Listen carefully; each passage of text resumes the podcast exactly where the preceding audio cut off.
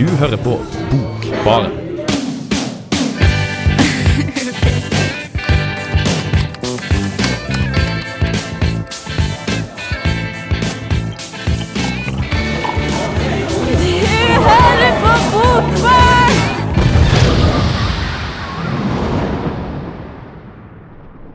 God dag og velkommen til denne Best of, eller beste av-sendinga til Bokbarn våren 2014. Mitt navn er Kristoffer Ervik, og i denne sendinga her får du høre stemmene til Ingrid Kveim Skarholt, Hanne Malene Lindberg, Maren Skolem, Eline Bjerkan og min sine vakre, flotte stemmer. Det vi skal prate om i dag, er statsministerboka av Einar Økland, Bare ukedager av Cecilie Aurestad, Vareopptelling av Erlend Lo, Magnetisørens femte vinter av Per Olov Enquist, og ellers pjatting om feminisme introvert versus høylytt, men hyggelig, fenomenet Manic Pixie Dream Girl. Så tre på deg bokbarntrusa og hør på vår Best Off-sending. Yeah!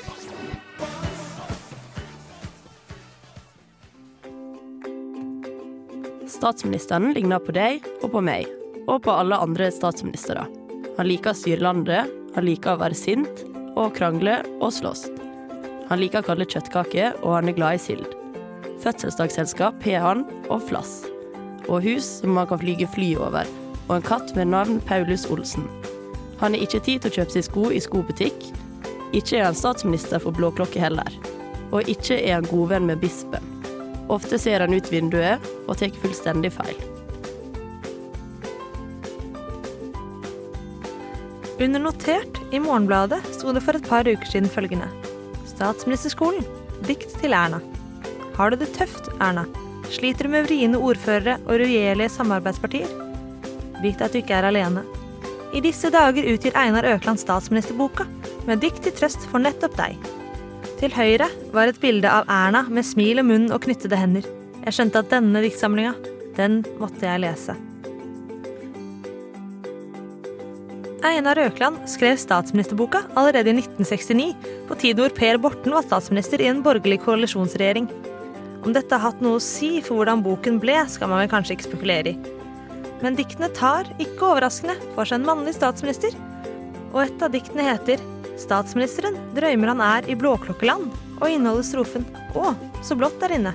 Å! Kanskje er det en ønskedrøm for hvordan politikerne, i hvert fall av i dag, skulle ønske det så ut inni våre hjerter.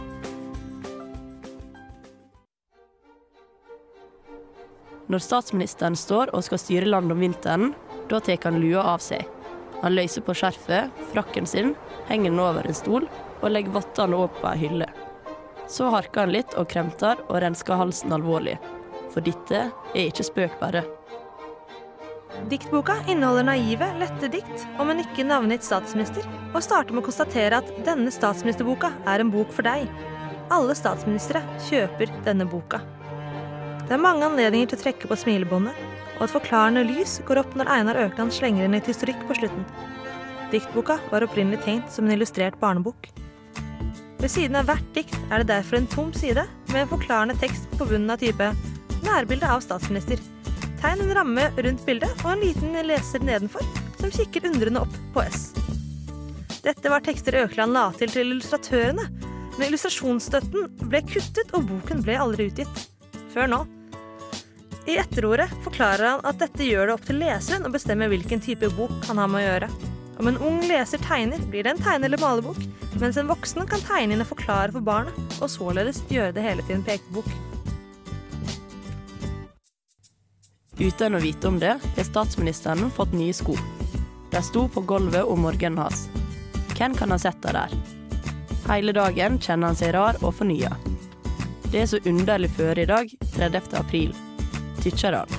Det knirker så en kan høre det.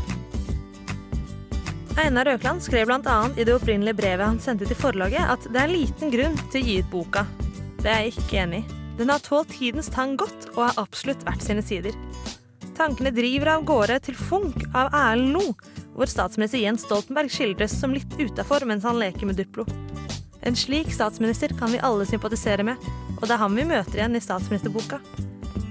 Tross alt er statsministeren som oss alle andre, med små innfall og tanker. Og det kan være godt å tenke på om statsministeren eller regjeringen går deg imot. Statsministeren blir så glad når du får et fly over huset. Det hender bare så sjelden, og han er så sjeldent hjemme. Når flyet nærmer seg huset, blir han så glad. Statsministeren blir så glad når du får et fly over huset, og han sitter inne i huset. Det hender bare så sjelden at flyet vet hvor han er. Hver gang statsministeren sjøl reiser med fly, ser han ned på jorda for å se om han kan se huset sitt. Han blir så glad når han ser det, enda han aldri har sett det. Eh, Ja, jeg heter Dag Solstad, og dere hører nå på Bokbaren, og der er altså jeg. God dag og hei og hallo, og velkommen tilbake til Bokbaren, som programmet der vi snakker om litteratur. Og vi presenterte oss i sted, men vi gikk ikke helt nærmere på hva vi skal snakke om. Eh, hva skal vi snakke om? Hva stemmer for noe? Ja, hva er stemmer for noe, Hanna? Ja, stemmer. Det er serien til Aschehoug, som da er et forlag, hvis du ikke visste det, eh, som feiret at i 2013 så var det 100 år siden norske kvinner fikk stemmerett. Hurra, hurra for det. Eh, og det feiret de ved å utgi tolv eh, korte essaysamling, kan man vel kalle det. Én i måneden, skrevet av forskjellige kvinner innen forskjellige temaer. Ja, og de er ganske korte alle sammen, sånn maks 100 sider nesten, eller 130 tror jeg det kanskje var noen som hadde. Ja, det er I er hvert fall korte og lettleste, og, eh, så det er greit å komme seg gjennom, altså, hvis du ikke er så glad i store, tunge bøker om, eh, om vanskelige temaer. Men eh, det er også spenner det også veldig vidt i temaene, så man kan få en sånn grei allmenn innføring, egentlig veldig mye mange forskjellige samfunnsområder. Det syns jeg er veldig kult. Ja, fordi Ingrid har da med seg eksempel en bok hvor de snakker litt om økonomi, og jeg har med en med litt språk, og så har jeg tidligere name-droppa en av Ravatn som er et langt dikt, og det er liksom mye forskjellige temaer, da. Eh, og det er så utrolig deilig, for det er sånn tid du tenker at dette er kanskje ikke så veldig interessant, men så er det utrolig mange flinke skribenter, som har fått med seg. Så jeg og Ingrid er litt sånn at dette her, nå må vi lese alle. Nå har vi til sammen lest fem av tolv, så da mangler vi sju. Og vi har vært veldig positive egentlig til alle, så da tenker vi at dette her Altså, jeg skulle så ønske at jeg hadde lest det sånn jevnt i fjor, at det virkelig var en kalender, men det er jo det er ikke sånn at de bare var gyldige i fjor, de er vel gyldige fremdeles. Så det er gøy å ha det som en sånn slags Ja. Les, men jeg tror ikke man trenger å lese kronologisk, trenger man det? Nei, det gjør man absolutt ikke, synes jeg. Jeg begynte jo faktisk med nummer én, da. Men, Som er en av de jeg nå skal komme i stikket etterpå. Eh, som er eh, Toril Moi, som skriver om eh, herregud, språk og oppmerksomhet, heter boka som da er stemme nummer én. Eh, og så hoppet jeg til hun Ravatn, som er sånn midt i et sted. Og så har jeg da etterpå også nå eh, nummer tolv, som er den siste. Eh, og den er litt spesiell, for da ble det utlyst en konkurranse eh, fra Aschehoug. For de, hadde, de andre så spurte de diverse folk om vil du skrive en stemmebok. Så sier alle ja, kjempegøy. Men nummer tolv er det sånn hei, vil du skrive en stemmebok, send inn manus, så kanskje du er en av de heldige som får være med. Og da er det faktisk en mann som har skrevet den aller siste. Og han heter Jon Krogh Pedersen og har skrevet Også min kamp. Om et forholdsvis ungt par som driver og finner ut av det. Så dette er da de to eh, som kommer nå snart. Ja, det blir veldig Jeg gleder meg veldig til å høre, høre på det. Veldig fint. Men er det noe mål med stemmeprosjektet? Ja, vi, eh, du, fikk du følelsen av at det var liksom en kvinnekamp som ble drevet i de bøkene dine, Anna? Nei, altså det er vel det at de skriver jo ikke nødvendigvis om feminisme alle sammen, så dere trenger ikke være redde for det. Det er ikke sånn hvis du er redd for Å det. nei, det er så- skummelt med feminisme. ja, du, det er, jeg føler det er mange som er sånn Å, jeg vil ikke lese mer om det, det har vi hørt før. Men det er absolutt ikke bare det det går ut på.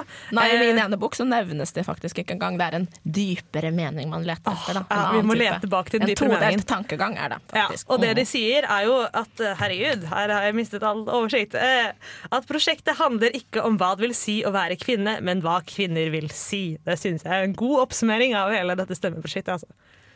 Banan, konge. Uh, Jeg føler det var litt overkjørt, men uh, kanskje jeg kan bli mer overkjørt med saken til Hanne Marene.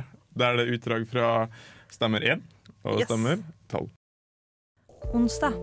Jeg gleder meg allerede til å bli gravid og gå ut i mammaperm og endelig slippe å gjøre noe som helst. Bare gå på kafé og drikke latte til melka flyter, eller tusle på Sankthanshaugen. Sitte på en benk i parken og høre på de andre snakke om barnet sitt. Barnet sitt om igjen og om igjen. Det jævla barnet sitt, blanda med pupper som sprenges unger som skriker og bukser som ikke går på og aldri kommer til å gjøre det heller.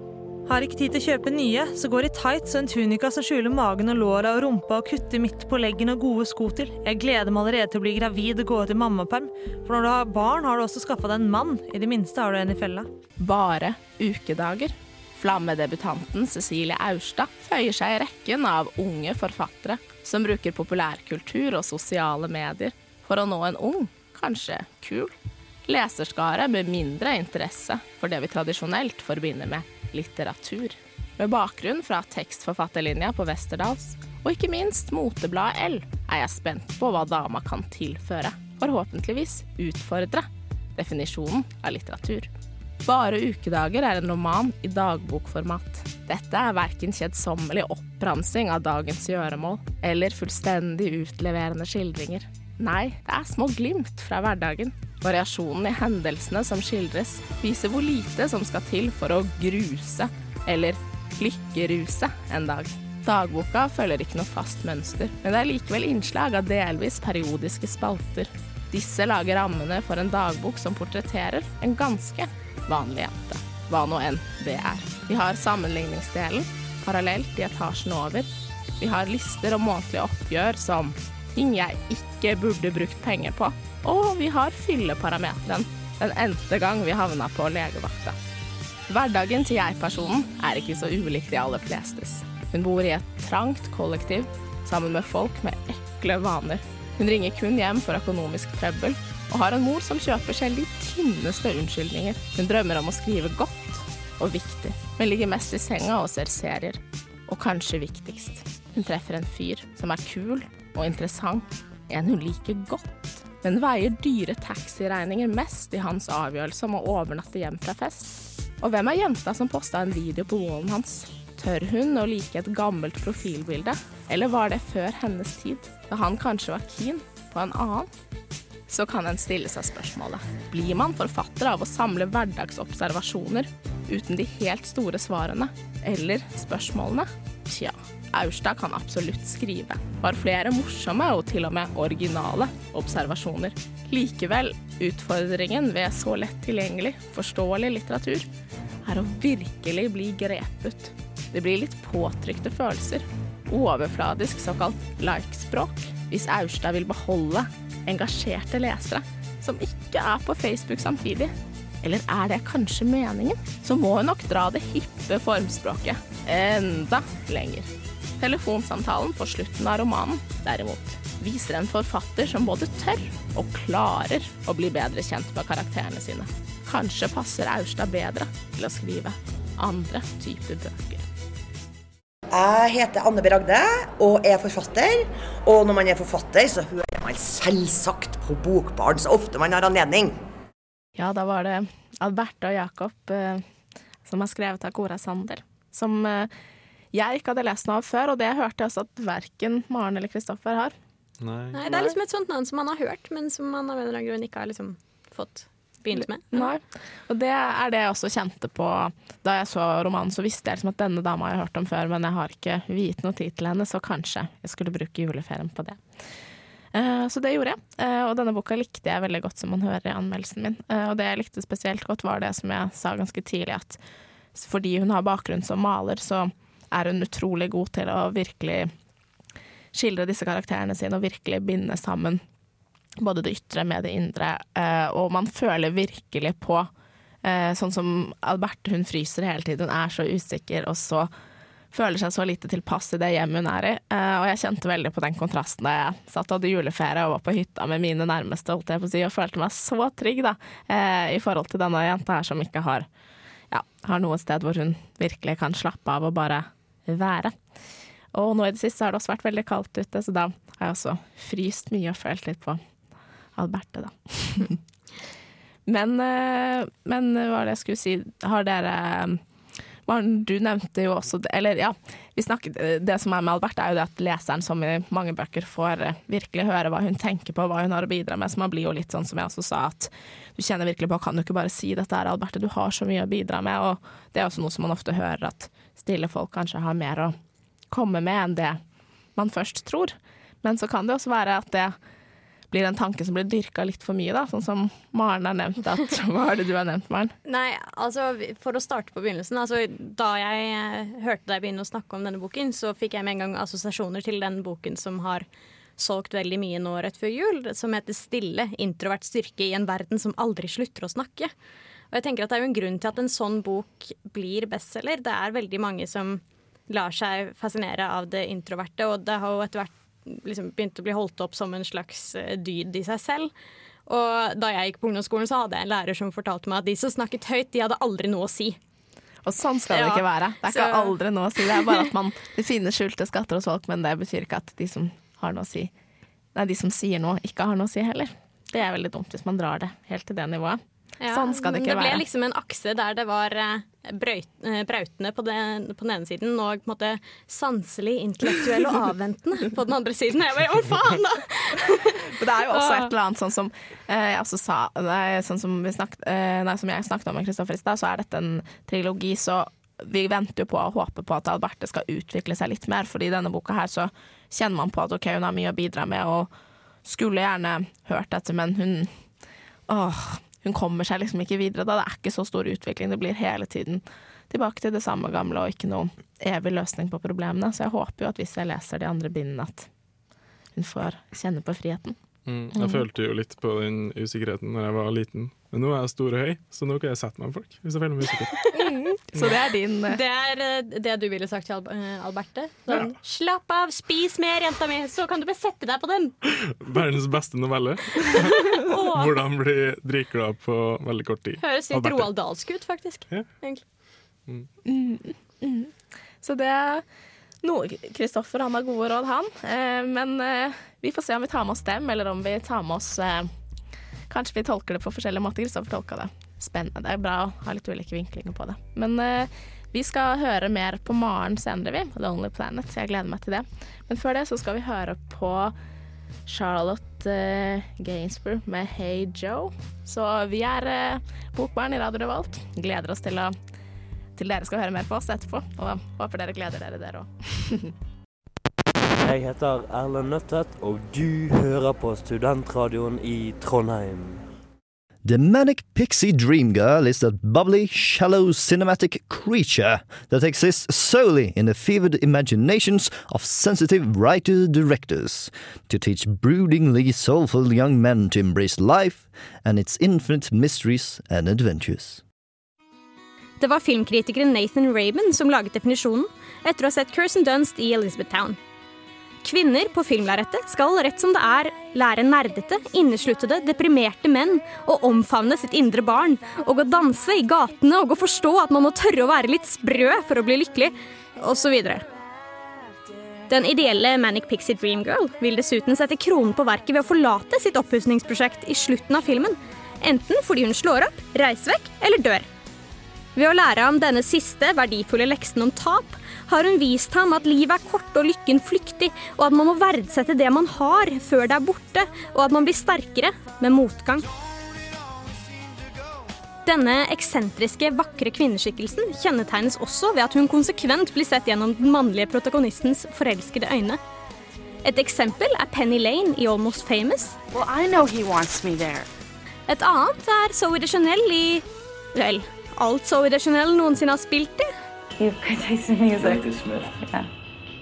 To die by your side is such a heavenly way. I don't know how people go through life with the same boring routine every day. I mean, just shoot me. Right in the face. Men det er dessverre ikke bare i film at vi finner denne tropen. Også i litteraturen valser Manic Pixie Dream Girl omkring og fikser den plagende mann, slik at han igjen kan gå tilbake igjen til mannens egentlige rolle, nemlig som helten eller skaperen. I John Greens Looking for Alaska er Alaska young, smart, vakker og farlig. Midtveis i boken blir de søte, rare problemene som gjør henne så spennende i protagonistens øyne, så uoverkommelige for henne at de blir hennes død. Heldigvis. For hvordan skulle vår mannlige helt ellers lært noe viktig om livet, døden og kjærligheten? I Nick Hornbys High Fidelity finner vi energiske, underlige Charlie. How had I made this girl the answer to all the world's problems? I Murakamis Norwegian Wood er selvsikre og seksuelt frigjorte Midori. Det er naturligvis ingenting galt med å være søt, snill eller til og med litt gal iblant. Problemet med konseptet Manic Pixie Dream Girl er perspektivet. Fordi jentene ses gjennom mannens øyne, blir de aldri annet enn pappfigurer, skapt utelukkende for å være rekvisitter i mannens historie. Objekter som har utspilt sin rolle så snart mannen har brukt dem til å oppnå ny innsikt, og til å level up i det absurde spillet som er livet i litteraturen. Konseptet er et problem fordi det legitimerer et kvinnesyn som er sprøere enn selv den sprøeste Manic Pixie. nemlig at kvinner kan reduseres til muser og inspirasjon for mannen. At de ikke finnes eller lever for seg selv. Konseptet hinter dessuten om at menn ikke kan bli lykkelige uten at en eller annen jente med pannelugg har lært dem å sette pris på indiemusikk og klassisk litteratur. Verken menn eller kvinner er med andre ord spesielt godt tjent med karaktertyper som Manic Pixie Dream Girls. I litteraturen, som i livet, trengs frie, tenkende, komplekse individer, ikke oppskriftsmessige stereotyper.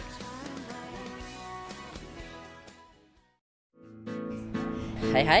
Eh, Dette er Vigdis Hjort. Jeg liker navnet på denne radiokanalen, Radio Revolt. Hør på magasinet Bokbarn. Det å sitte på bar og lese bok, det er ikke det verste.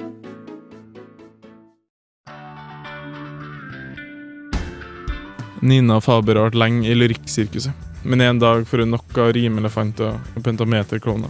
Hun drar til Istanbul. Der har blitt snakk om vin og menn og andre skumle saker. Uansett hva grunnen er, så har hun kommet tilbake til Oslo. Med seg har hun Bosporos, hennes siste diktsamling. Det er her hvor Erlend Loes vareopptelling starter. Vareopptelling er delt inn i åtte etapper, eller kapitler, som andre folk kaller dem. I de åtte etappene følger vi Nina Faber, der jeg går fra akademika i Blindern hennes gamle psykolog, sønn og universitas lokale. All blir starta av en dårlig anmeldelse av en ung journalist, studentavisa Universitas. Nina Faber er lei av å bli tråkka på. Hun skal ta hevn. Selve karakteren viser ikke noe endring. Drives på hat, hat og hat. Det Gjør mye av historien veldig platt og ensforma. Erlend Loe skriver morsomme bøker, fordi ellers blir det vanskelig å skrive dem. Men han har noe han vil si. Og fra hva jeg har forstått, så kan det oppsummeres i to setninger. Ikke ta kultur for gitt. Vær så snill. Det er ikke en veldig konstruktiv kritikk mot litteraturvitere, eller andre vitere. Vareopptelling tar ikke noe oppgjør. Det er stort sett bare en tafatt historie om en sliten lyriker. Erlend Lo litt som en hund som har blitt senil. Det er vanskelig å være sint på han hvis han tisser på teppet. Vareopptelling har noen gode kvaliteter, men de kvalitetene finner man bedre i Doppler, Naiv Super. Det finnes en historie bak boka. I perioden 1991 til 1992 var Erlend Lo kulturjournalist i Underdusken, studentavisa i Trondheim. Det han gjorde, var å anmelde bøker, filmer, teater og musikk. Noen koselige intervjuer med forfattere. Han skrev saker som skulle skrives om. På slutten av vareopptellingen finner Nina Faber journalisten som har skrevet anmeldelsen hennes. Og han er en selvgod liten dritt, med for mye selvtillit for sitt eget beste. Vareopptellingen kanskje botemiddelet til Lo. En liten unnskyldning til dem han er såra. Selv om Paul Auster mister lite nattesøvn for anmeldelsene han hadde i Under dusken. Jeg har vel travelt med å kose ømt med pengepungen i sofakroken. For meg så spiller det en liten rolle hva Erlend O kommer opp med framover. Han har et rikt og variert forfatterskap bak seg selv om vareopptelling er en brodd i et ellers storløst forfatterskap. Kanskje best på Lo hvis han senker skuldrene i en lang F i alle andre.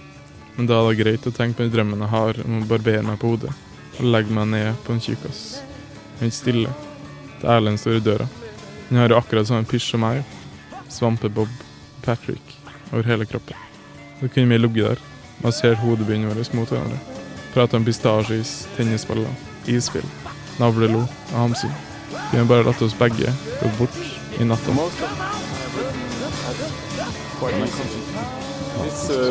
November OK. Min far er død. Tok jeg en elg dag. Det var den eller meg. Jeg var sulten. Jeg ser grålysningen nå.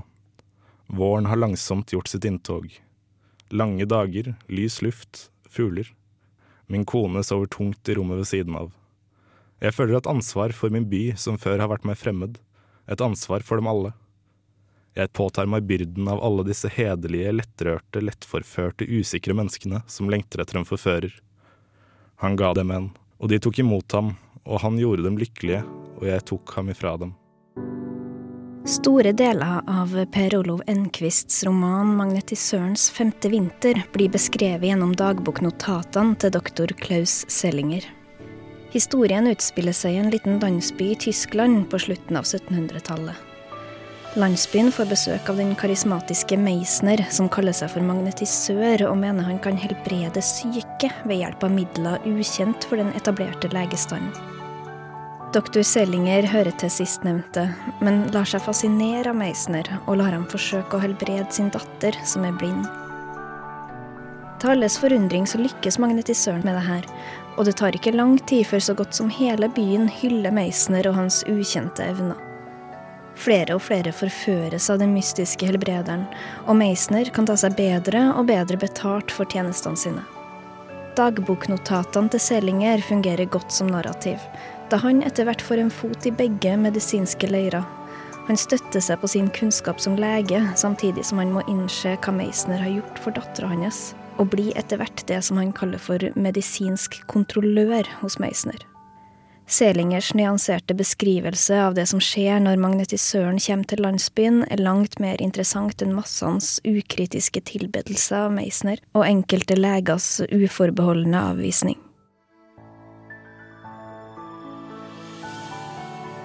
Vi grep til årelating, blodigler, kopping, brekkmidler, sterke laksermidler, hempe i nakken, kvikksølv til de begynte å spytte, brennevin, salmiakkspiritus, spansk snus i nesen, kinabark og synober, kalde bad, varme bad, svovelbad og salte bad.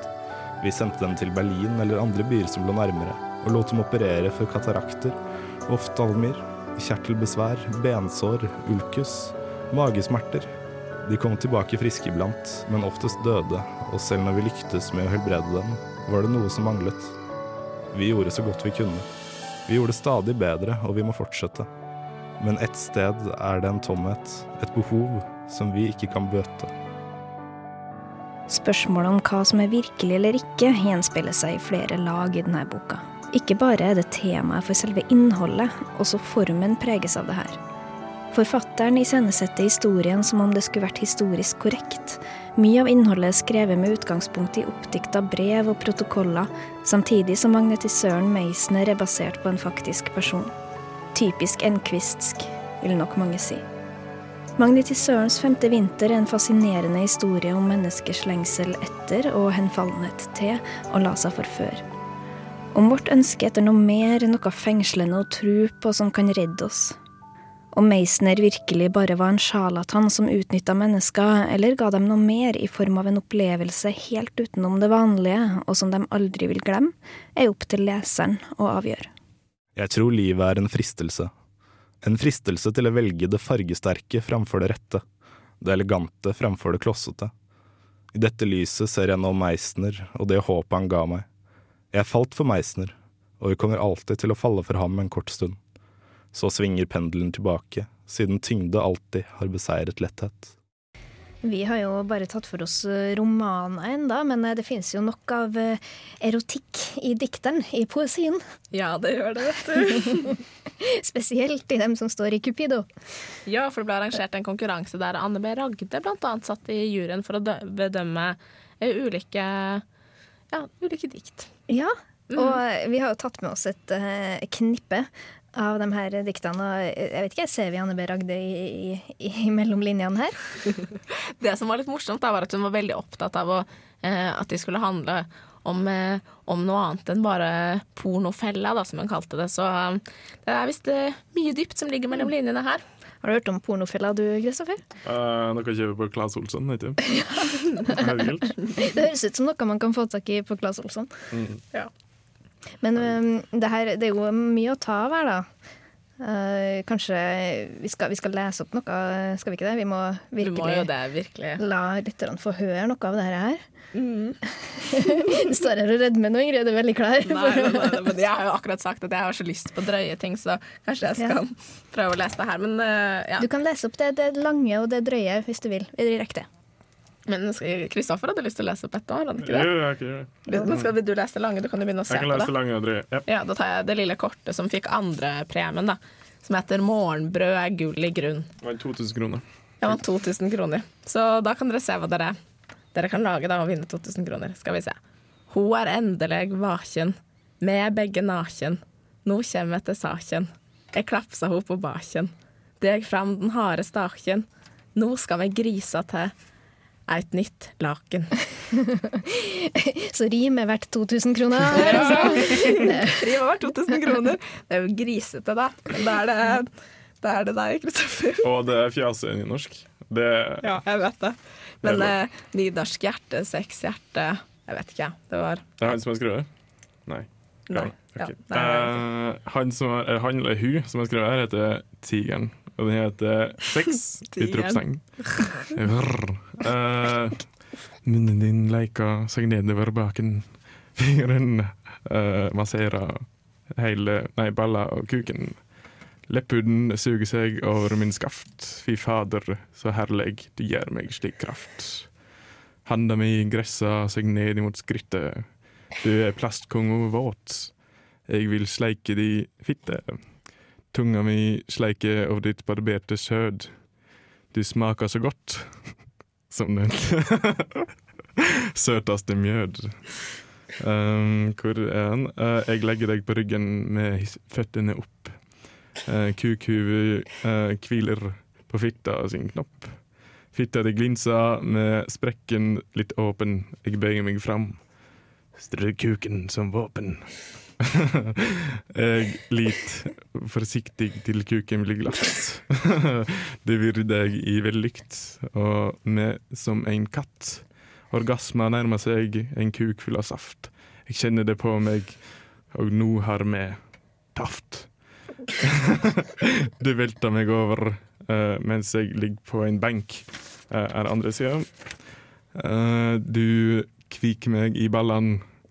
Jeg vil ha deg i senk. Fitta di eh, spriker når du trer deg på.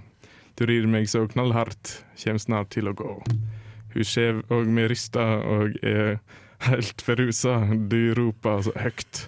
Fyll du høla med kusa! Fantastiske kvinne, du er bedre enn gull. Det dundrer i kuken, jeg sprøyter deg full. Når orgasma jager og krampa hos kom, fitta di uh, klemte, de mjølka meg tom. Av tiger. Tiger kan virkelig få sagt det. Det er mye dypt. mellom Skikkelig langt, da.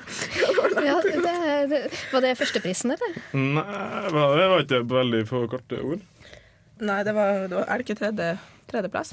Jo. Sammen med glassblåseren og Her var tredje premie på 1000 kroner. Hvis vi noen gang lurer på hva slags stikk vi skal sende inn til Pri radio, så eh, har vi svaret her.